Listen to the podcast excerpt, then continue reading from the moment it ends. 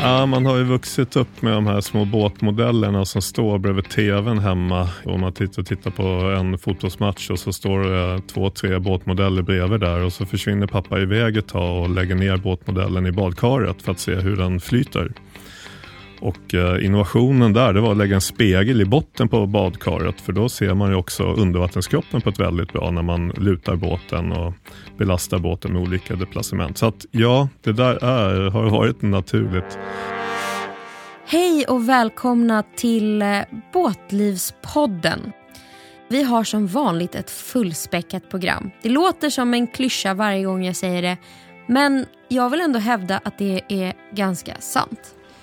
I nyhetssvepet så återrapporterar eh, Lars-Åke från Cannes och det vi konstaterar är väl att eh, storleken, den har faktiskt betydelse.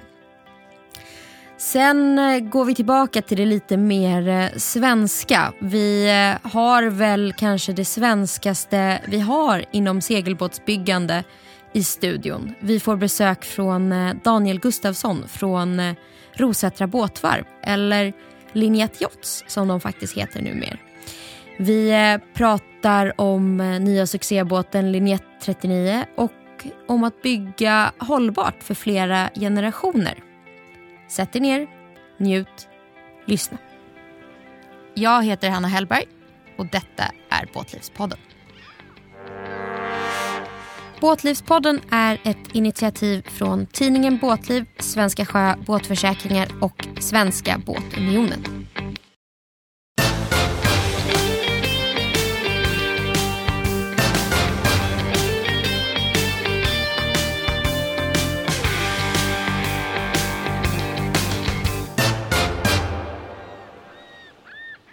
God dag, god dag Lars-Åke. Bonjour Hanna.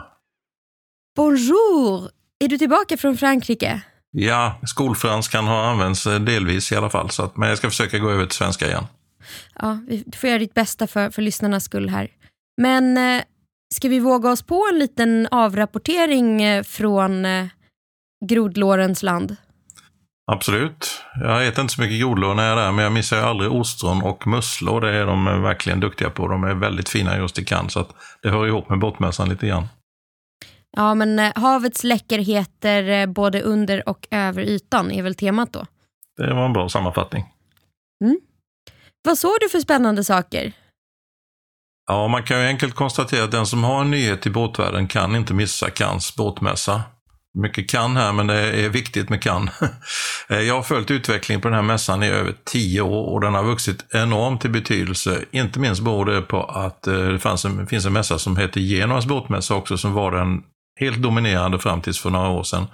Den mässan nästan kollapsade och hade lite otur också för det var orkan och grejer inblandade i slutet på den. Så att den la helt ner och då flyttade italienarna som är ekonomiska motorn i detta kan man säga. De flyttade över till Cannes och satsade på den mässan. Så nu har den vuxit väldigt mycket i betydelse. Och Cannes är häftig för att det finns en stor hamn med bara segelbåtar, en mycket större hamn med bara motorbåtar. Och jag skummade igenom båda de här hamnarna ordentligt. Och eh, den bestående intrycket egentligen från båda hamnarna är att alla båtar blir över tid mycket, mycket större. Inte minst bland segelbåtarna där antalet nya 70-fotare är helt överväldigande. Alltså man kan gå längs bryggorna där nere och se bara 60, 70, 80-fotare och ännu större båtar till och med. Det fanns lite undantag. Eh, Grand Soleil visade en ny 40-fot segelbåt som känns ganska normalt för nordiska förhållanden. Men samtidigt i samma monter så hade de en ny 72-fotare och man kan ju själv gissa vilken båt det var som drog mest publik och det var folk upp och klängde på hela tiden. Så att det verkar som att de stora båtarna, det är magneterna som drar till sig folk. Men i Norden köper vi fortfarande inte 72 som någon slags större spridning i alla fall. Eller vad tror du, Anna? Nej, men jag har två reflektioner där. Det ena är väl att gled du in med en 40-fotare på båtklubben för 30 år sedan så hade ju den varit nästan störst. Så är det ju inte längre. Men sen så är det väl klart att, eh, det vet man ju själv när man är på, på mässa, man går ju inte och kollar på budgetalternativen och det man har råd att köpa, man är ju där för att se vad som finns och det spektakulära. Så man får ju passa på när man har chansen att gå ombord på en 70-fotare. Ja, men så är det. För det har man kanske inte råd med i vanliga fall. Precis, så jag fick en egen favorit i Cannes. Det var en liten dagseglare som hette Cape Cod.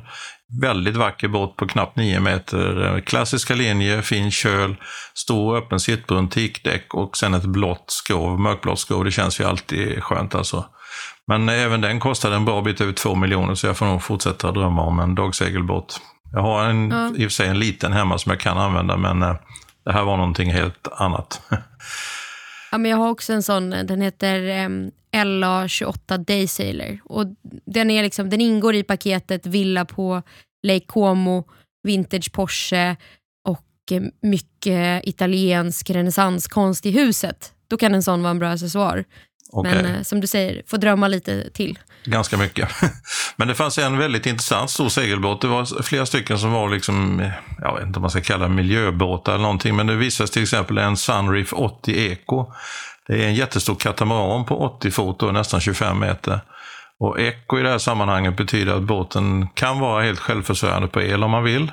Den är helt klädd i solceller både på skrovsidorna på båda de här katamaranskroven. Riggen, hela masten var klädd med solceller. Till och med seglen kan man få med solceller om man vill så att man ska kunna klara sig lite grann. Och det ska gå att segla den över Atlanten typ utan att, använda motorn till någonting. Utan man ska kunna ta sig fram helt med sol och vind. Det låter ju ganska häftigt. Frånsett prislappen på en sån här båt vågar jag inte berätta vad den kostar ens. Nej, har den också sån hydroregenerering så att man om man seglar fort också laddar upp batterierna? Ja, kan man också få. Och det där kommer mm. väldigt mycket nu med hydrogenerering. Alltså det, nästa Vol eller Ocean Race heter ju det här som hette Volvo Ocean Race tidigare. Där har de ju inga dieselgeneratorer ombord överhuvudtaget. Utan ska helt klara sig på eh, hydrogeneratorer där.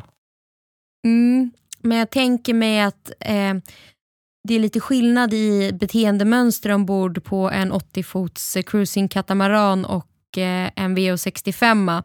Och eh, kraven på så här, kylfrys, USB-uttag versus när man racear är lite annorlunda. Fast när de racear just i The Ocean Race så är det ju enorma krav på att ladda kameror och grejer. De ska skicka upp en viss mängd film och eh, varje dygn. Så kamerorna ska hållas igång, kommunikationsutrustningen ska hållas igång, säkerhet, det är, det är ganska mycket där också vattenmaskiner och så vidare. Här kanske visar på min uppkunskap, men jag får för mig att det är hyfsat lite i förhållande till kyl, frys, elverk, äh, aircondition.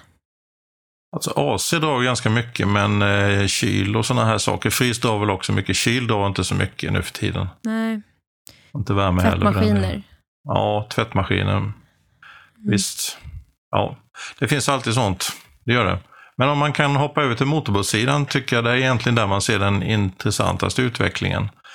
Ehm, och egentligen kan man säga att alla lite större motorbåtar, frånsett jotterna, de ser ut som Axopar som ju kommer från Finland. Mm. Axopar är ett spännande företag med en gubbe som heter Jan-Erik Vittala i spetsen. De leder utvecklingen och kallar sig numera för ett lifestyle-företag. Där kunderna använder båtarna på ett helt nytt sätt, säger de själva. De är ute och cyklar på öar, de åker mycket wakeboard och andra, alla möjliga saker man kan dra efter en båt. Och de fiskar och de dyker och härjar.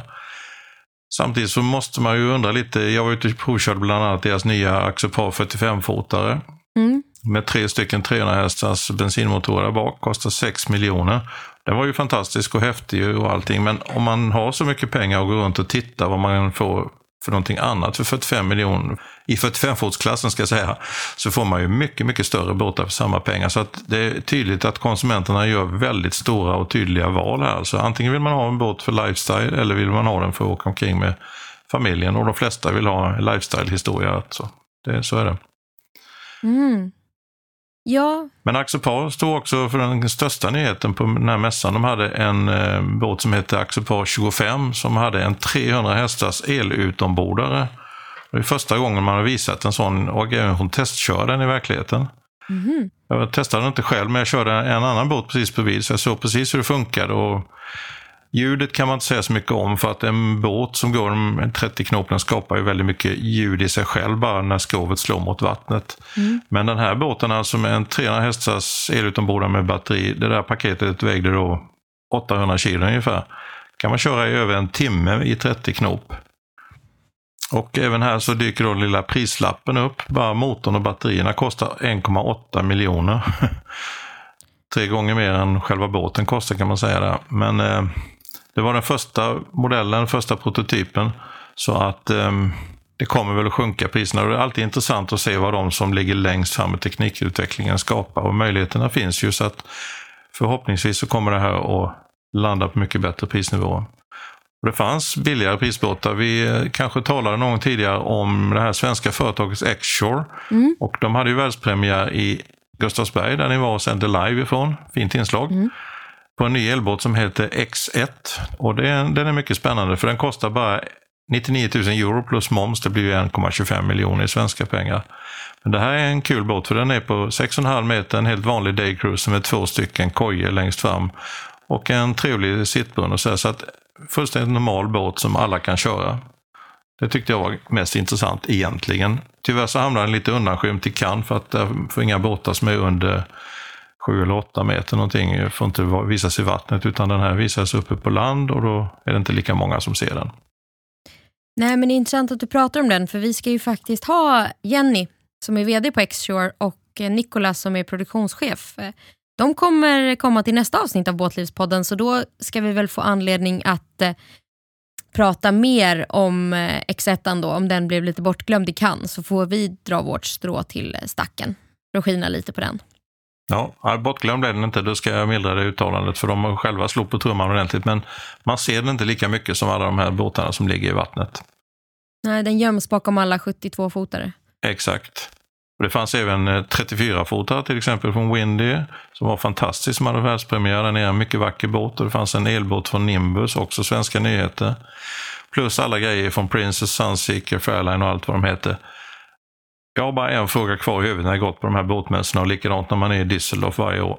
Vem köper alla de här stora dyra båtarna? Alltså öppna dagtursbåtar på 25 meter för kanske 40 miljoner kräver två mans besättning. Vem är det som köper de här? Hur stor är marknaden egentligen? Det känns som den är enorm, men så kan det ju inte vara enligt all logik egentligen.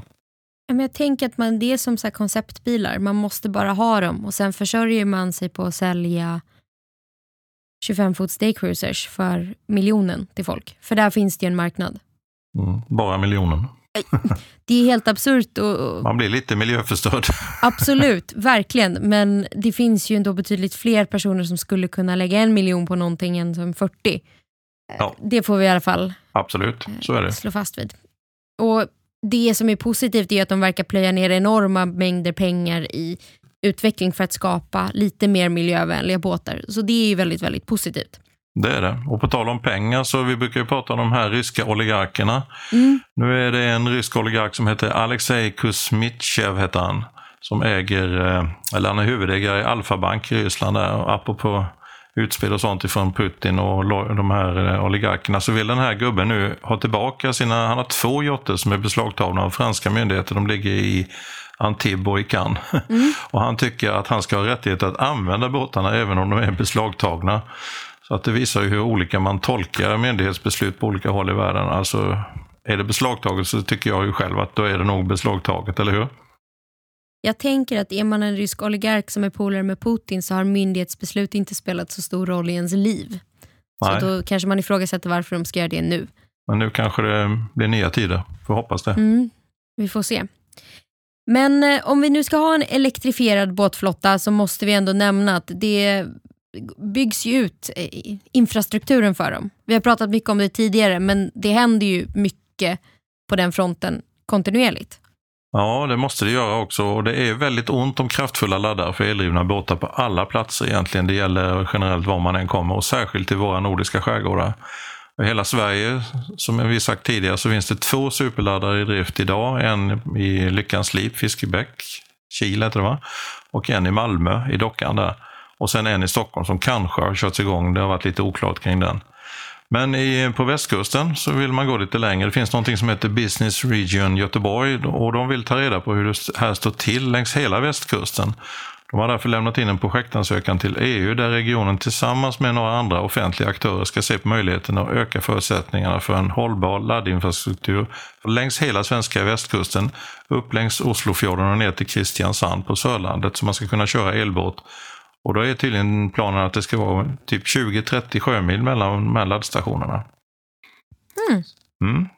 Kan bli någonting eh, bra det här. Låter som Tesla. Ja, precis. I det här projektet så ingår det även att man ska kunna lägga sina båtar, när de inte används, vilket kanske är 99 eller 98 procent av tiden, så ska man kunna koppla upp dem så att de ingår i det stora landsomfattande elsystemet som någon slags batteribackup för allting. Mm. Och det vet jag att den svenska elbåtstillverkaren Strana, alltså Orust E-boats, de håller på med ett sådant projekt också. Mm. Det är väl bra. Batterierna mår tydligen bäst av att motioneras lite grann hela tiden. Precis som vi. Ja, exakt. Lagom är bra. Mm. Någon som inte mår så bra men som folk försöker fixa är ju havet. Det pågår ju ett jätteprojekt att eh, storstäda Stilla havet. Verkligen. The Ocean Cleanup. Ocean Cleanup är superintressant och den kan man gärna följa i sociala medier. Det är en organisation som jobbar just med att städa upp i världshaven.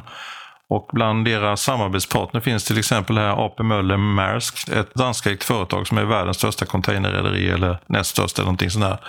Och de hjälper till att tråla upp i världshaven alla de här plastgrejer som finns där. Bland annat så ska de nu ta upp 100 000 ton plast ur Stilla havet. Och det är så att enligt The Ocean Cleanup och eh, ett projekt som de heter som heter Great Pacific Garbage Patch så samlas ju all världens plast i norra delen av Stilla havet i några stora virvlar där. Så det är där man ligger och trålar och drar upp enorma mängder plast. Det samlas ju på ytan som bra är eh, eftersom det är plast och flyter lite längre upp. Frågan är hur man ska göra med all plasten sen, men man får ta in den till land och återanvända den. Ja, det var väl det jag liksom satt och tänkte på efter vårt eh, avsnitt med eh, Håll Sverige rent. Att eh, det är stökigt med plast för att du kan återvinna det och då blir det bättre för du behöver producera mindre plast. Men du måste ju typ alltid till alla nya plastprodukter måste du tillföra en viss procentandel ny plast och plasten försvinner aldrig. Alltså det är så, ursäkta svordomen, det är så mycket mindfuck att varenda gång man typ dricker en petflaska så bara, den här kan aldrig bli ogjord. Så att ja, vi kan ju städa upp den, men vad ska vi göra sen? Plast är ju jättebra på många sätt och det här visar ju hur svårt det är att göra rätt. Ja. Vi måste säkert ha plast på, så länge vi inte har något annat material som är bättre. Och just det här projektet, Ocean Cleanup, har fått mycket kritik för att man tar upp massa fisk och andra organismer från havet som skadas då när man gör det här. Men man måste ju alltid väga, eh, det blir inte pest eller kolera, men lite åt det hållet. Man måste väga saker och ting mot vartannat. Vilket är bäst? Eller vilket är minst dåligt? Precis. Det är ett klurigt dilemma. Man får ju hoppas att det kommer någon forskning som, som liksom där man kan komplett återvinna plast. För det är väl det som kommer krävas eh, ja. om vi ska få bukt på det här.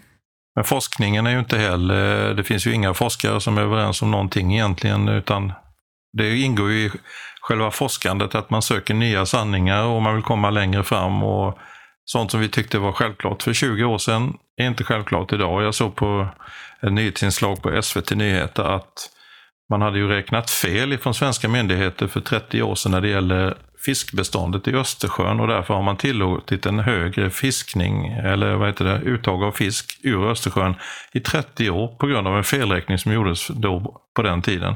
Då var forskarna helt överens. Nu är man helt överens om att man gjorde fel den gången så att man ska nog vara försiktig med att liksom ta forskarnas ord för absoluta sanningar. Så är det aldrig. De tål kritik precis som alla andra. Verkligen. Så att eh, vi kan väl hoppas att man har underskattat hur stort plastproblemet är. Vi kan väl hoppas att de har haft fel just eh, den gången och inte åt andra hållet. Men från eh, lite dystra nyheter till eh, något lite mer praktiskt kanske vi får säga. Båtmärkning. Håll koll på sina saker med ja, Svenska Sjö.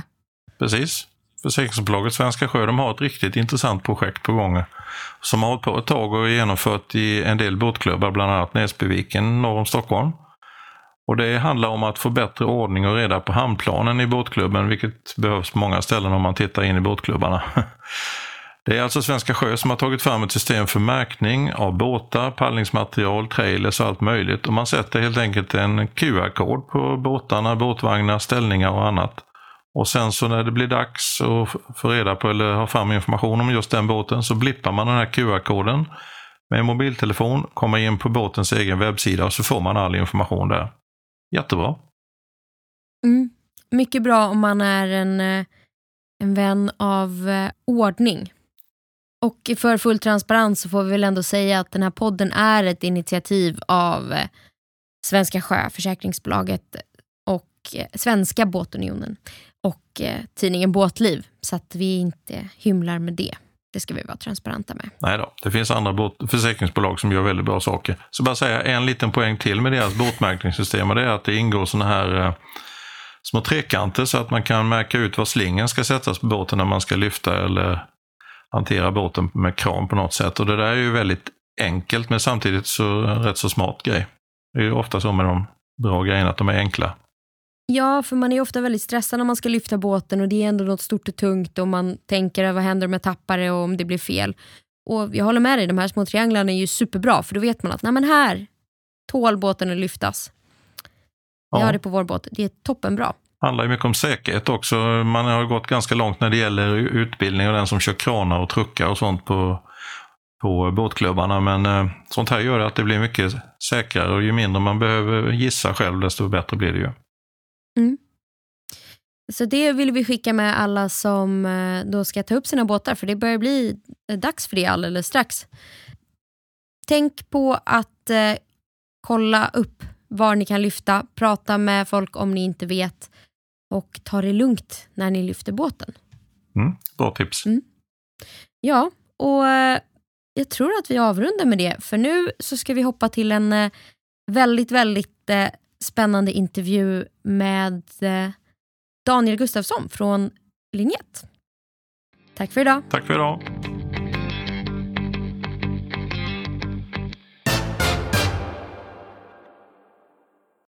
Hur är det att jobba med sina tre bröder varje dag? Spännande och utmanande. Men det är också en eh, fantastisk eh, situation att kunna göra det och att det går så bra som det gör. Ja, och även pappa är med på ett hörn. Pappa är med på ett hörn. Han börjar nu bli äldre. Så att eh, vi tre har ju successivt liksom plockat över del för del sista 10-20 åren. Och jag tycker väl att samarbetet går väldigt bra. Vi är väldigt ödmjuka eh, och har varit det. Vi bråkade väldigt mycket som eh, barn. Kanske upp till vi var 20. Sen kändes det som att eh, efter det har vi förstått varandra och varit väldigt ödmjuka. Och det är väldigt viktigt när man jobbar tillsammans. Och Det återspeglar ju sig rätt mycket i företaget tycker jag, den här familjära känslan. Nu råkar ni vara tre bröder men de flesta andra som passerar Rosätra, det flesta, det alla säger är ju att det är en så otroligt familjär känsla att komma dit. Ja, det är nog någonting som har uppstått både från vår historia och så som vi agerar varje dag, ska jag säga. Det grundar sig nog i liksom farfar på 50 och 60-talet och sen över till de tre bröderna som drev det därefter. Så att, eh, det känns naturligt att den familjära känslan ska liksom finnas både hos de anställda, vi som bygger båtarna varje dag, och då smittar det av sig och rinner över till kunderna också. Och sen har vi väldigt rätt kunder som köper segelbåtar och då blir det lätt den här familjära känslan, upplever jag. Nu måste vi sluta tassa kring elefanten i rummet. Vi kanske ska i alla fall dra lite med intro. Jag sitter här i studion med Daniel Gustafsson från Linjet Yachts. Och det här familjära som vi tangerade på nu, det är ju faktiskt så att Linjet är ett eh, familjeägt företag och har varit så nästan sedan start. Stämmer. Eh, familjen Gustafsson då, som, där jag är tredje generationen, har ju ägt Rosetta sedan 1948 då min farfar Fritjof och Göta, min farmor, köpte varvet av Jansson, andra generationen Jansson, som hade drivit det sedan 1886 då det grundades. Och med det så är det, rätta mig om jag har fel här, visst är det Sveriges äldsta båtvarv? Idag eh, aktivt båtvarv så är det Sveriges äldsta båtvarv, vad vi vet. Men från början var det inte Linjet Yachts. Stämmer. De första 90 åren av eh, företagets tid så byggde man eh, träbåtar på beställning från kunder. Under 70-talet när eh, de flesta började bygga plastbåtar runt om i Sverige så började min far Mats och Janne Ola, hans bröder, att fundera på, ska inte vi också ta fram en egen eh, modell? Så 73, 1973 kom den första Linjett-modellen, Linjett 30. Så det är fantastiskt att det nästa år är 50 år sedan den första linjetten seglade. Faktiskt, det är jättekul. Och det är till och med så att linjett nummer ett var hos oss i somras och besökte Rosetta och vi gjorde en mindre renovering på den. Fantastisk hållbarhet. Kul med saker som håller längre.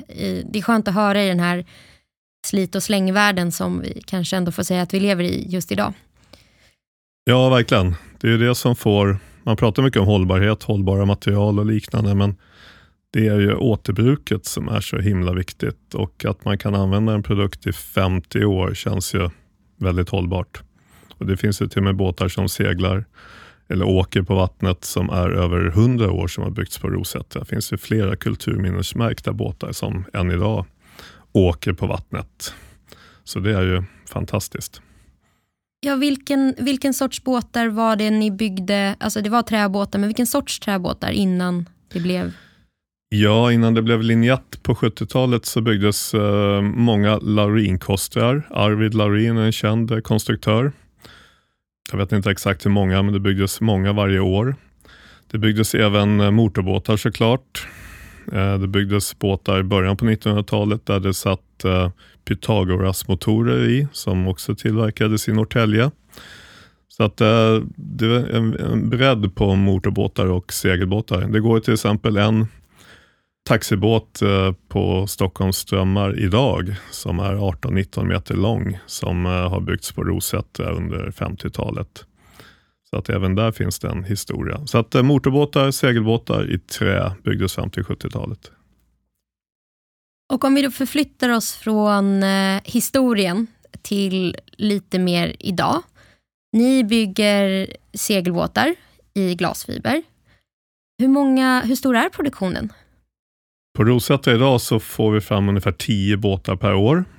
Vi bygger allting in-house så att säga. Vi har uh, ifrån design och första tanke på hur båten uh, ser ut och ska användas till att båten också servas och uh, tas om hand för vintern efter 30-40 år. Så hela den cykeln gör vi på Rosetta.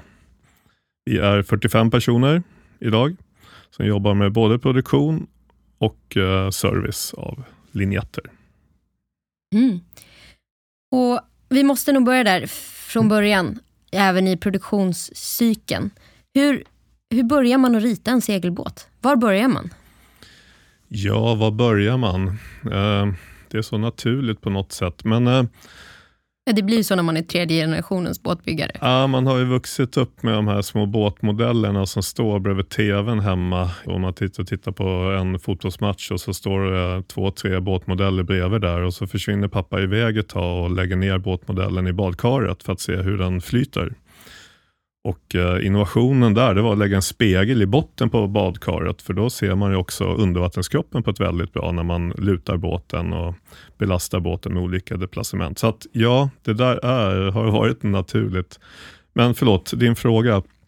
Hur börjar man? Vi har ju väldigt mycket historia med hur en linjett bör se ut, så vi avviker inte så mycket från den formen. Eh, däremot är det viktigt för oss att ta in de nya designerna som fungerar. Det vill vi få in i linjettdesignen. Men man börjar med ett koncept. Man tror en storlek som skulle passa där vi inte har en modell idag. Ehm, det vi gör först är att göra en modell på båten, eller vi kanske gör flera olika modeller och tittar på den här och ser på den och känner på den. Sen därifrån så gäller det att iterera i små steg framåt för att till slut ha en färdig modell i eh, datorn som vi kan fräsa ut helt enkelt. Och för um, de som inte vet, hur stor är en båtmodell? Du sa någonting om ett badkar. Just det. Eh, vi gör modellerna 1 till 10 då, så är båten 10 meter lång så blir den 1 meter lång och då passar den ju väldigt bra i ett badkar. Och har man, eh, har man fått in det här och jobba med det både taktilt, alltså fysiskt i verkligheten och sen även jobba med spantrutor och hur 3D-formen ser ut i datorn. Då kan vi fortfarande med ganska ganska sunda och enkla metoder få fram en båtform som fungerar och blir en fin linjett. Ja, linjetter har ju då utan att slå på för stora trummor uppskattats väldigt mycket. Ni har ju en ganska lojal following av eh, kunder får man ju ändå säga som verkligen gillar era båtar. Och de frångår ju ändå lite den här moderna normen för hur eh, cruising-segelbåtar ser ut idag. För det ska jag ändå säga, det är primärt cruisingbåtar. Det är primärt cruisingbåtar idag med väldigt, väldigt bra performance. Vi kommer kanske från på 80 och 90-talet där vi kappseglade väldigt mycket själva. Och linje 32 presterade bra i One of the Kind som var en tävling på 80-talet bland annat. Men idag är det ju mer och mer cruisingbåtar men med väldigt bra seglingsprestanda. Linjetten har ju formats av de skandinaviska vattnen som finns och speciellt då skärgården. Ehm, den är naturlig och den ger ju våra ramar hur vi kan bygga en bra och vacker båt. Den behöver vara lättdriven, den behöver ha slanka linjer. Den behöver ha en stäv som möjliggör att vi kan gå i land på berg och i skärgården. Den behöver ha ett djupgående som är moderat som också möjliggör att vi kommer in till klipporna. Även om vi nu blir djupare för att få bättre performance så är det ändå möjligt att gå i land på en utskärsklippa i Stockholms skärgård eller i Bohuslän eller i finska skärgården. Så att, eh, att den här skärgården har givit ramarna för Linjats design, det är nog ganska tydligt när man tittar på den. Och Utöver det så är det viktigt för oss att båten ska kunna hanteras på få personer. För när man cruisar så kan det vara fem stycken som att älskar att segla, men det kan också vara två stycken av de fem som älskar att segla. Och Då måste det vara enkelt att hantera den här båten på få personer. Och Då gäller det att inte ta i allt för mycket på segelyta, utan göra skrovet lättdrivet, smal vattenlinje, inte allt för stor våt yta för att då kunna hålla ner segelytan och verkligen använda seglen. Även om det skulle blåsa 8, 10 eller 12 meter så ska det kännas tryggt i en linjett. Om man då inte är så insatt i båtdesign och eh, hydrodynamik, liten våt yta, vad, vad, vad innebär det? Ja, det gäller att göra undervattenskroppen undervattenskroppen går ju mot vatten och varje kvadratcentimeter som man har bromsar ju när den behöver släpas genom vattnet. Så det är det jag menar med så liten våt yta som möjligt. Och eh, Det har också med en slanka vattenlinje att göra. Vi har ganska smal vattenlinje på linjetten för att den ska vara lätt driven framåt och då kunna hålla ner segelytan. Och Det gör också att den passar bra i lätta vindar för då den blir lite livlig med sin smala vattenyta, äh, vattenlinjebredd. Men den hittar en stabilitet och trygghet när den kränger till till 15 äh, grader, 15-18 grader. Då hittar den sin stabilitet. Så att den klarar den här varierande vindarna som finns i, i skärgården och i Östersjön. Ja, och då för att återkoppla faktiskt till vårt första avsnitt. Det här är avsnitt 11. Det är helt sjukt att det har gått så fort.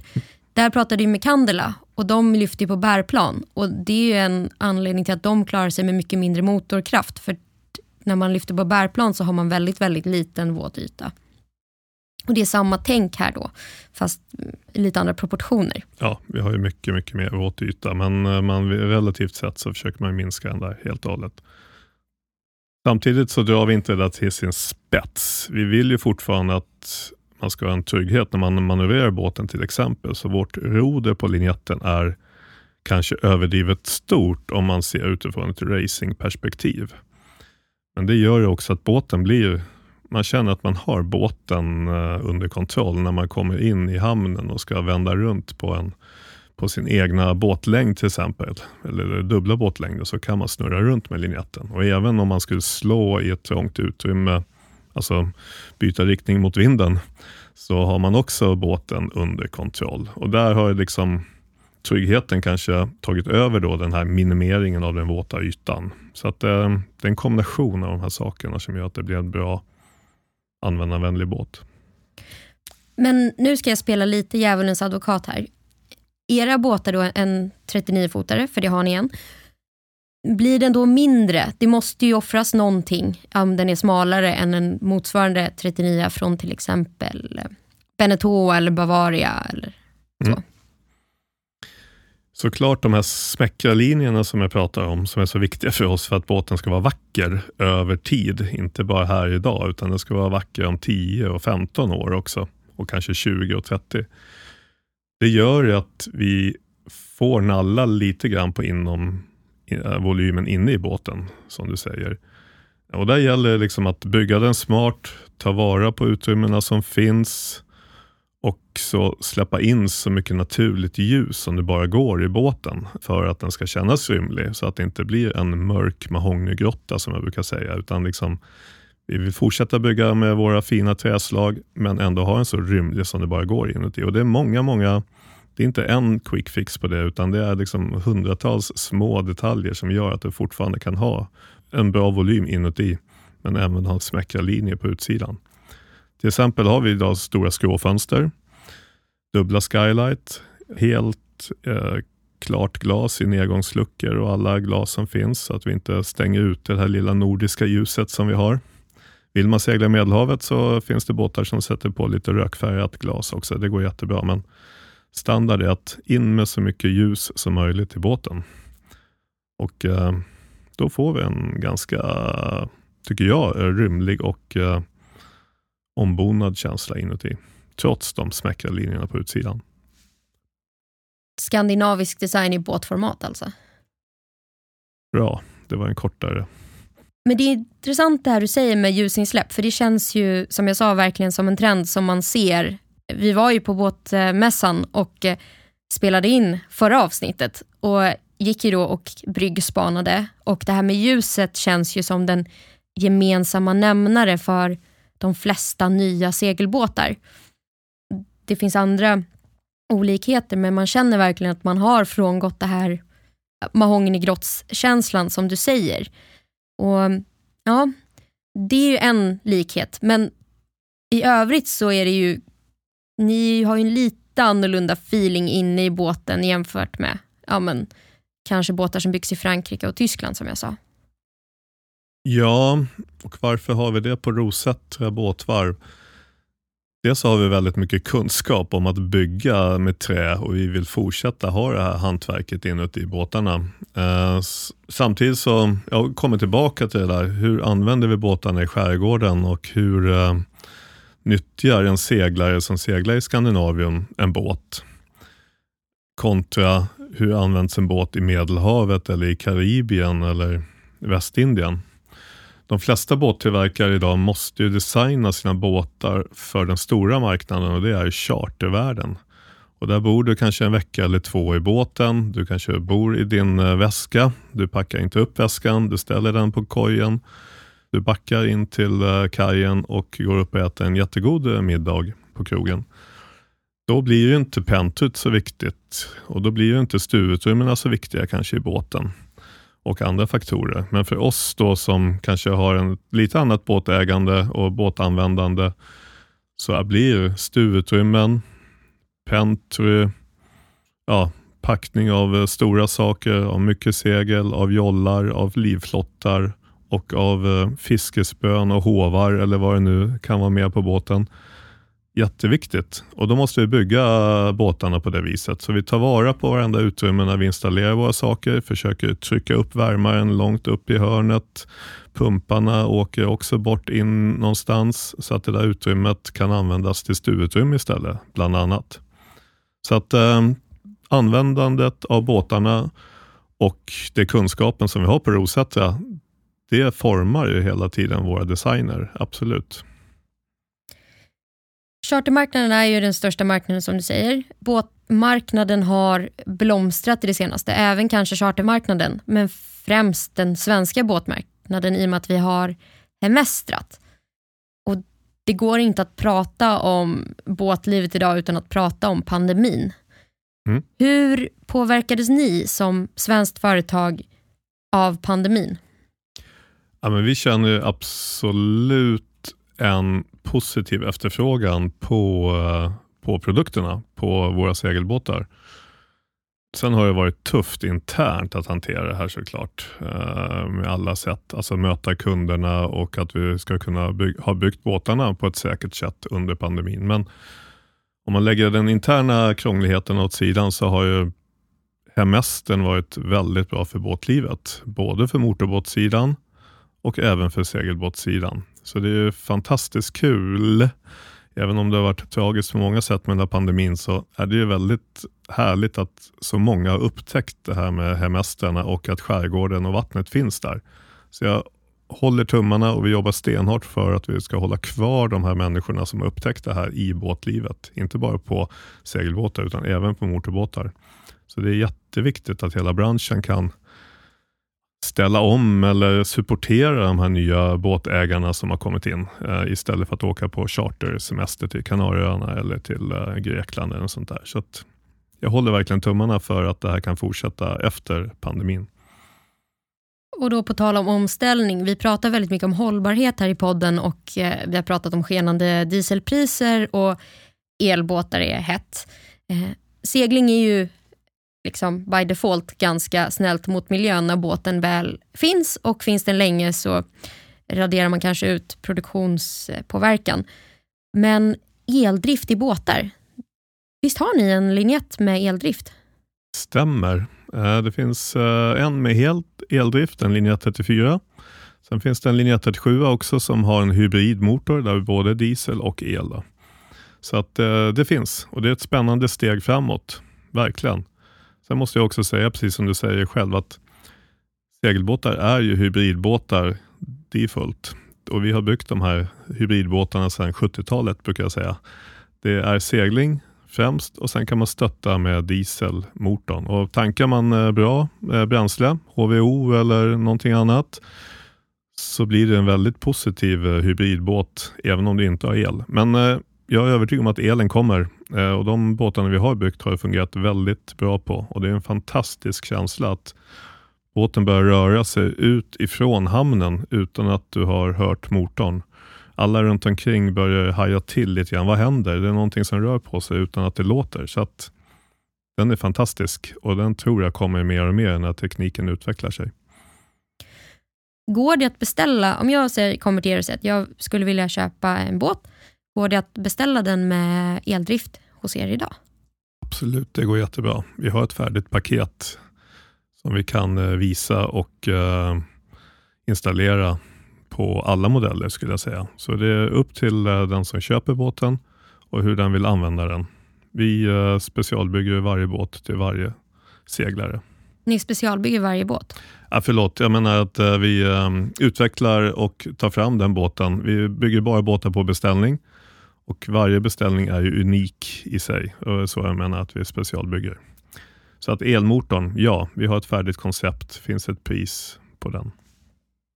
Men ni bygger ändå tio båtar per år. Du menar att ingen båt är exakt som en annan? Helt rätt. Ingen båt är en andra lik, utan eh, du, eh, du får köpa och segla din båt som du har varit med och tagit fram. Färg och form och teknik. Okej, så även om jag köper en eh, linjett 39 då, så har jag ganska stora möjligheter att anpassa den efter mina behov? Verkligen, och det är en av våra stora styrkor. Eh, inte bara att bygga båten utan att innan båten börjar byggas så är det en lång resa ihop med varvet och seglarna att definiera vad behöver jag på vår segelbåt? Eh, vad är det jag värderar högt när jag seglar? Behöver eh, familjen eller kompisarna de här sakerna? Vilka färger trivs jag med ombord? Vilka färger trivs jag att jag har runt omkring mig?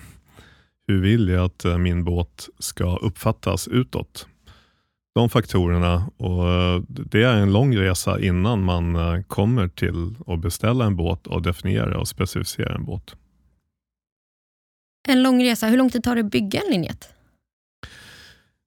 En linjett, vi säger att det tar ett år att bygga en linjett beroende på lite storlek. Vi bygger 34, 39 och 43 fot. Men det tar eh, minst ett år från det vi börjar till en seglar med den ledtiden vi har.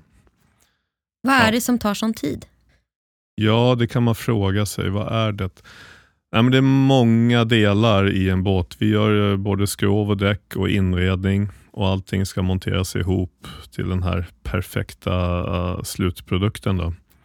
Så att det, det, är många olika hantverksskrån som är inblandade och var och en måste få sin eh, tid på sig att göra ett eh, bra jobb. Så jag skulle säga att det är en komplex produkt att sätta ihop. Det är det som gör att det tar sån tid. Och Sen bygger vi få båtar som är specialanpassade till varje kund. Så båtarna är ju inte likadana och det gör att vi inte kan få det här jättesnabba löpande bandet på Rosätra. Så även om ni då är trendmedvetna i det här med det ljusa så är båtproduktionen fortfarande ganska traditionell och eh, anpassad? Ja, det är väldigt mycket hantverk. Det är mycket upp till den enskilda hantverkaren att göra ett rätt och bra jobb. Och när man sen har fått sin båt, den är äntligen här, jag har väntat ett år, jag har valt mina tyger, min utrustning, mina segel. Båten ligger i sjön, jag ska få nycklarna. Vad händer sen? Seglar man bara iväg mot horisonten? Verkligen, mot solnedgången. Nej, men när man har eh, döpt sin båt med champagneflaskan i stäven där och eh, man har satt på seglarna och fått nycklarna. Då seglar man en sommar med båten. Vi levererar alltid båtarna på våren fram till midsommar. Så att man har en sommar ihop med sin båt. Sen kommer man ofta tillbaka till Rosätra. Det är det som är så bra också med linjetterna där, att du kan få din båt omhändertagen på vintern. Om jag drar lite snabbt framåt där, så man, eh, man seglar, ofta kanske man seglar en vecka eller en helg också. Sen Maiden kommer, voyage. Ja, exakt. exakt. Uh, även om man är en kund som kommer från Tyskland, eller Norge eller Schweiz, som vi också har haft, så seglar man, upplever norra Stockholms skärgård, kanske över till Åland och sen kommer man tillbaka till Rosätter efter en vecka. Och så vi tillsammans går igenom båten och uh, får en uh, ytterligare utbildning i hur alla saker ska hanteras. Så det är väldigt uh, välkommet. Men sen som du säger, alltså vad händer därefter? Jo, men sen blir det en höst, tyvärr. Och när den hösten börjar övergå i vinter så behöver man ju hantera sin båt på något sätt. Och Då finns eh, vår serviceavdelning där och kan vinterförvara linjetter under vintern. Ja, så båten inte behöver vara utomhus och lämnas vind för våg? Exakt. Hur många linjetter tar ni hand om? Förra året var det 220 stycken som mm. låg eh, under vintern på Rosätra. Alla ligger inomhus, en del i värme och en del står ute i eh, naturlig temperatur. Och Sköter ni bara förvaring eller gör ni andra grejer också? Man kan eh, välja hur man vill ha sin båt hanterad på Rosätra. Dels ska man eh, ta eh, kan säga fullservicepaketet. Man lämnar nyckeln i september och så får man nyckeln i maj, vilket fler och fler väljer. Eller så väljer du att själv kanske pyssla om din båt lite grann för att du gillar det och då finns det också som ett alternativ. Men att spara sin egna och familjens tid genom att eh, vi på Rosätra genomför vinterförvaring och service och omhändertagande av båten, det blir allt mer populärt. Plocka russinen ur seglingskakan? Ja, exakt. Mera av tiden går ju då till segling istället för båtvård. Och Det känns det som att det är en viktig, viktig del i båtägandet. Men som man har haft en båt i några år, teknik blir ju rätt snabbt omodernt. Eller inte omodernt på det sättet, men det kommer ju nya... Man kanske får nya krav, man kanske får fler barn, man kanske vill ha ny utrustning. Är det många som liksom renoverar sina båtar och piffar dem? Ja, även om båtarna liksom tillverkas för dig så ändras ju livssituationen helt klart. Eh, och båtägandet ska ju följa med livet. Så att eh, då kan det vara så att du behöver en bogpropeller eller elvinschar eller du vill ha lite mer eh, instrument ombord för att dina seglingskunskaper växer ihop med båten och då vill du ha lite mer funktioner. Och ja, vi är också duktiga på att komplettera båtarna med sådana saker efter fem år eller efter tio år eller efter 25 år också. Alltså, det är ju lite så här skomakarens barn. Det känns som att ni har rätt mycket att göra. Får du segla någonting själv? Ofta när man väljer att jobba med sin hobby, som man kan säga att det här med segelbåtar kan ju vara, så kanske det där blir lite puttat åt sidan. Men eh, jag har verkligen seglat mycket. Det har jag gjort och gör det även nu. Du säger seglat mycket. Definiera segla mycket. Jag är uppvuxen med liksom att det var semester på en segelbåt i tre eller fyra veckor. Det var inte alltid kul när man var 16 år kanske, eller 17 eller någonting sånt där. Och det inte fanns, då fanns det ingen wifi överhuvudtaget någonstans. Men jag har alltid gillat det här och jag började segla Gotland runt när jag var 13-14 år. På linjetter? På eh, linjetter mest. Jag har också seglat på en IMX 40 och jag började segla på en Gecko 39. Mm -hmm. 86 eller 87. Det blåste som tusan. Och man satt där med ett trasigt galonställ på railen och seglade runt Gotland med en kompis till pappa. Det var jättekul. Och efter det har det blivit en 27, 28, 29 Gotland runt. Så det, är, eh, det, är, det är en viktig del utav det. Har du seglat Gotland runt med dina bröder i samma besättning? Många gånger. Många gånger har vi seglat tillsammans med många andra människor också, med pappa såklart, men även eh, oss bröder. Vi har byggt en, till exempel för en, ja det var när vi var över 20 år så byggde vi en egen linje 33. Kristoffer, jag och Marcus ihop med Fredrik också som jobbar på Rosätra och så seglade vi ett Gotland runt på Friendship då som den linje 33 hette. Och vad mysigt det låter. Eller det kanske inte var så mysigt, det beror på hur vädret var. Nej men då var vi unga och starka så då var det kul. Det var verkligen roligt. Vi var väl 20 till 25 år och hade byggt båten själva. Så det var ju fantastiskt kul att få göra det tillsammans. Gick den fort? Vi kom inte längst upp på prispallen den gången. Eh, vi har gjort det annars, men eh, den gången vann vi inte. Men det var soligt, kommer jag ihåg, och blåste bra. Så att ja, det gick fort. Och eh, pappa, seglar han fortfarande? Ja, nu var det två år sedan vi seglade Gotland runt. I år skulle det blivit 50 året han seglade, eller för 50 år sedan han startade Gotland runt första gången. Men tyvärr så hann vi inte med Gotland runt i år. Det var bygga båt som var lite stressigt efter corona där. Så tyvärr. Men eh, ja, han seglar fortfarande, 80 år gammal. Han kanske får chans till revansch gång nummer 51 eller år nummer 51. Vi får ta den revanschen nästa år. Och alla vet att pandemiåren inte riktigt räknas, så det kan få bli ett 50-årsjubileum. Perfekt, man kan hoppa över ett år alltså. Mm. Exakt, mm. och det gäller även samma med åldern, så man kan räkna att man är ett eller två år yngre än vad man faktiskt är. Den ska jag ta med mig. Jag fyller snart 50, så att, eh, då kan jag skjuta upp det ett år. Exakt. Och fira det då i samband med 50-årsjubileumet av eh, mm. pappas mm. seglande. Det var historien. Vi gillar ju nyheter i Båtlivspodden. Eh, jag och Lars-Åke diskuterar ju frekvent vad som händer i båtvärlden. Och vi har ju faktiskt anledning att diskutera, eller vi hade anledning att diskutera linje 1 i förra avsnittet. För det är ju så att ni har blivit nominerade till ett väldigt prestigefyllt pris. Ja, det stämmer. Uh, vi fick den positiva nyheten här i somras att linje 39 är nominerad till European Yacht of the Year, som är en tävling som eh, jag tror att det är 12 stycken eh, tidningar i 12 olika länder som eh, nominerar och provseglar och sen utser en vinnare då för årets bästa cruising-segelbåt som linjetten är med i. Okej, okay, så nu är ni nominerade i den här. Och Den nomineringen, har de varit och seglat linjetten innan eller sker nomineringarna liksom off-spec? En del journalister har seglat eh, båten. Vi har haft eh, många som har seglat linjetten under den här sommaren. Men eh, den stora testen eh, sker nu i La Rochelle i slutet på september. Så vi har just nu en linje 39 som är, den ligger nog utanför Holland, eller seglar just nu utanför Holland och på väg till La Rochelle med fyra, fem stycken duktiga linjettseglare som kör ner den till La Rochelle. Och så ska journalister testsegla den där nere i ganska tuffa förhållanden ihop med andra båtar. Sen kommer båten upp till Rosätra senare i höst. Ja, det blir som när bilmärkena kör upp alla bilar till Norrland och ska man bränna runt. Perfekt, helt rätt eh, liknelse.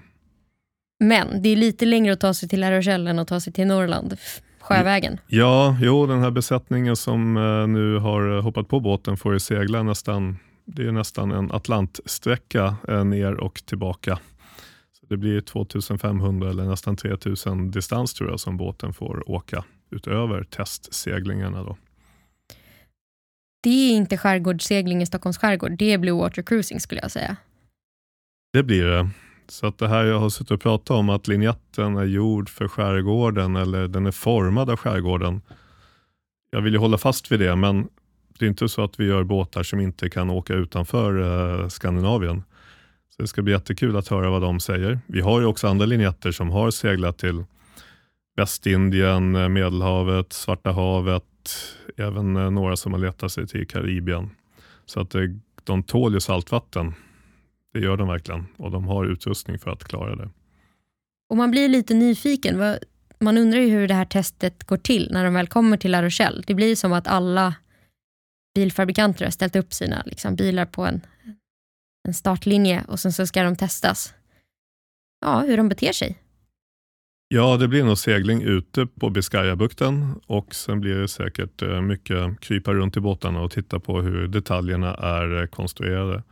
Så Det brukar vara väldigt noggranna genomgångar har jag hört. Vi har aldrig varit med på det här tidigare men det är fantastiskt kul att en båt med, byggd med traditionella medel i Sverige kan vara nominerad till den här, det här fina priset. Mm. Den ser ju lite annorlunda ut från eh, konkurrenterna som är nominerade i samma klass. Den är en liten udda fågel i det sammanhanget faktiskt. Ja, den har ju sina klassiska linjer, så vi får nog anstränga oss att få eh, de europeiska journalisterna att förstå konceptet av eh, nordiska segelbåtar. Men eh, jag tror att det kommer gå. Jag hoppas verkligen att det kommer gå bra. Jag, det, jag är väldigt spänd. Eh, vinnaren koras nere på Düsseldorf-mässan i januari. Så fram till dess så blir det eh, spännande. Ja, men det har ju precis varit mässäsong här i Skandinavien och flytande båtmässor, men den stora det får vi ändå säga, den största båtmässan av dem alla är ju Boot i Düsseldorf. Så får vi hålla tummarna för att det går bra då. Mm, tack, tack. Men vi får väl se vad som händer i januari på Boot. Men om vi blickar framåt, nu har ni precis släppt en ny modell med linje 39, men vad är nästa steg för Rosätra? Vad är liksom drömmen att göra om vi blickar framåt? Jag drömmer framåt. Idag pågår det väldigt mycket på Rosätra. Vi bygger linjetterna. Eh, vi bygger också Shogun Yacht, en eh, 43-fotare bygger vi den här vintern. Vi har byggt en Shogun 50. Och där har vi byggt med kolfiber och epoxy. Den, eh, det är en annan nisch än linjetterna, men det är samma hantverk i grunden. Liksom. Vi behöver ju bra hantverkare för att kunna bygga både linjetter eller Shogun i kolfiber och epoxy. Och med den här uh, nya tekniken, injicering, kolfiber, lätt, så kommer jag också att testa nya material. Så att för mig skulle det vara väldigt roligt att kunna bygga en linjett eller en Shogun i naturliga material. Kanske lite grann som farfar gjorde när han köpte varvet 48 på 50-talet. Han byggde skrov och däck och inredning med trä. Det skulle vara väldigt kul att kunna bygga en snabb båt, en lätt båt som är gjord av eh, kanske linfibrer då, som vi jobbar med idag i både linjetterna och i tjogan. Och hitta en hatch som kanske kommer från eh, någon form av cellulosabas som kommer från vår skog. Så kan man få till det i framtiden så skulle det vara roligt. Sen om eh, vad det är för någon båtdesign det går att bygga både Shogun Yacht eller Linjett Yachts med den här nya tekniken tror jag. Så en linlinjett? Lin, lin, lin, linjett, ja. Stämmer. Ja, det är en copyright som kommer gilla det där. Nej men det är jätteroligt alltså, och det är väl en dröm och den, den är ju inte verklig idag. Det går ju inte att bygga båtarna så idag men det pågår ju väldigt mycket forskning runt det här.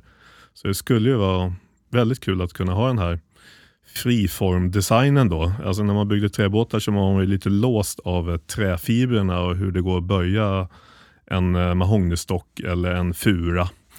Men eh, om vi skulle kunna göra om det där med moderna medel så hade vi kunnat haft en friare design men ändå bygga en lätt och snabb och välseglande båt i naturmaterial som är producerat i Sverige.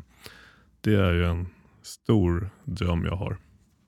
Och det känns väl lite som, som vägen framåt om man igen får vara krass.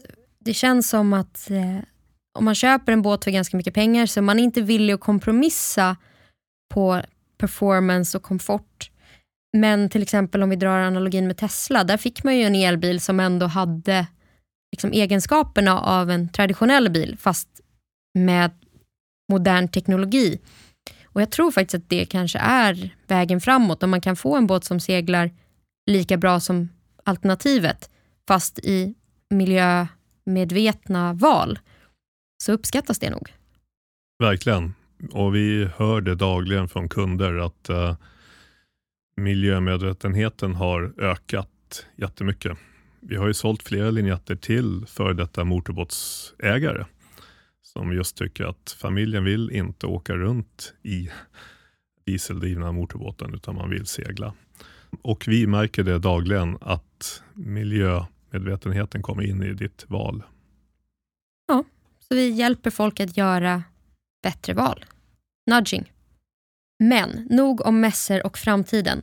Vi älskar ju skärgården och eh, brukar passa på att fråga våra gäster om de har några liksom speciella smultronställen i skärgården. Någonting som de vill tipsa om till våra lyssnare. Vad tycker du man inte får missa om man är ute och svirar runt bland öarna? Stockholms skärgård är så fantastiskt fin. Men jag måste slå ett slag för norra Stockholms skärgård såklart. Den ligger nära mig om hjärtat. Söderarms skärgård. Det är inte så många som kommer upp dit ifrån. Om man har båten närmare Stockholm så är det lite långt för en helgsegling upp till Söderarms skärgård. Och är man väl där så kanske man tar klivet över till Åland. Så att eh, Söderarms skärgård måste jag säga är väldigt fin. Den kan jag starkt rekommendera. Både på vår och höst, men även mitt i sommaren, vecka 30, så kan man hitta en egen vik där.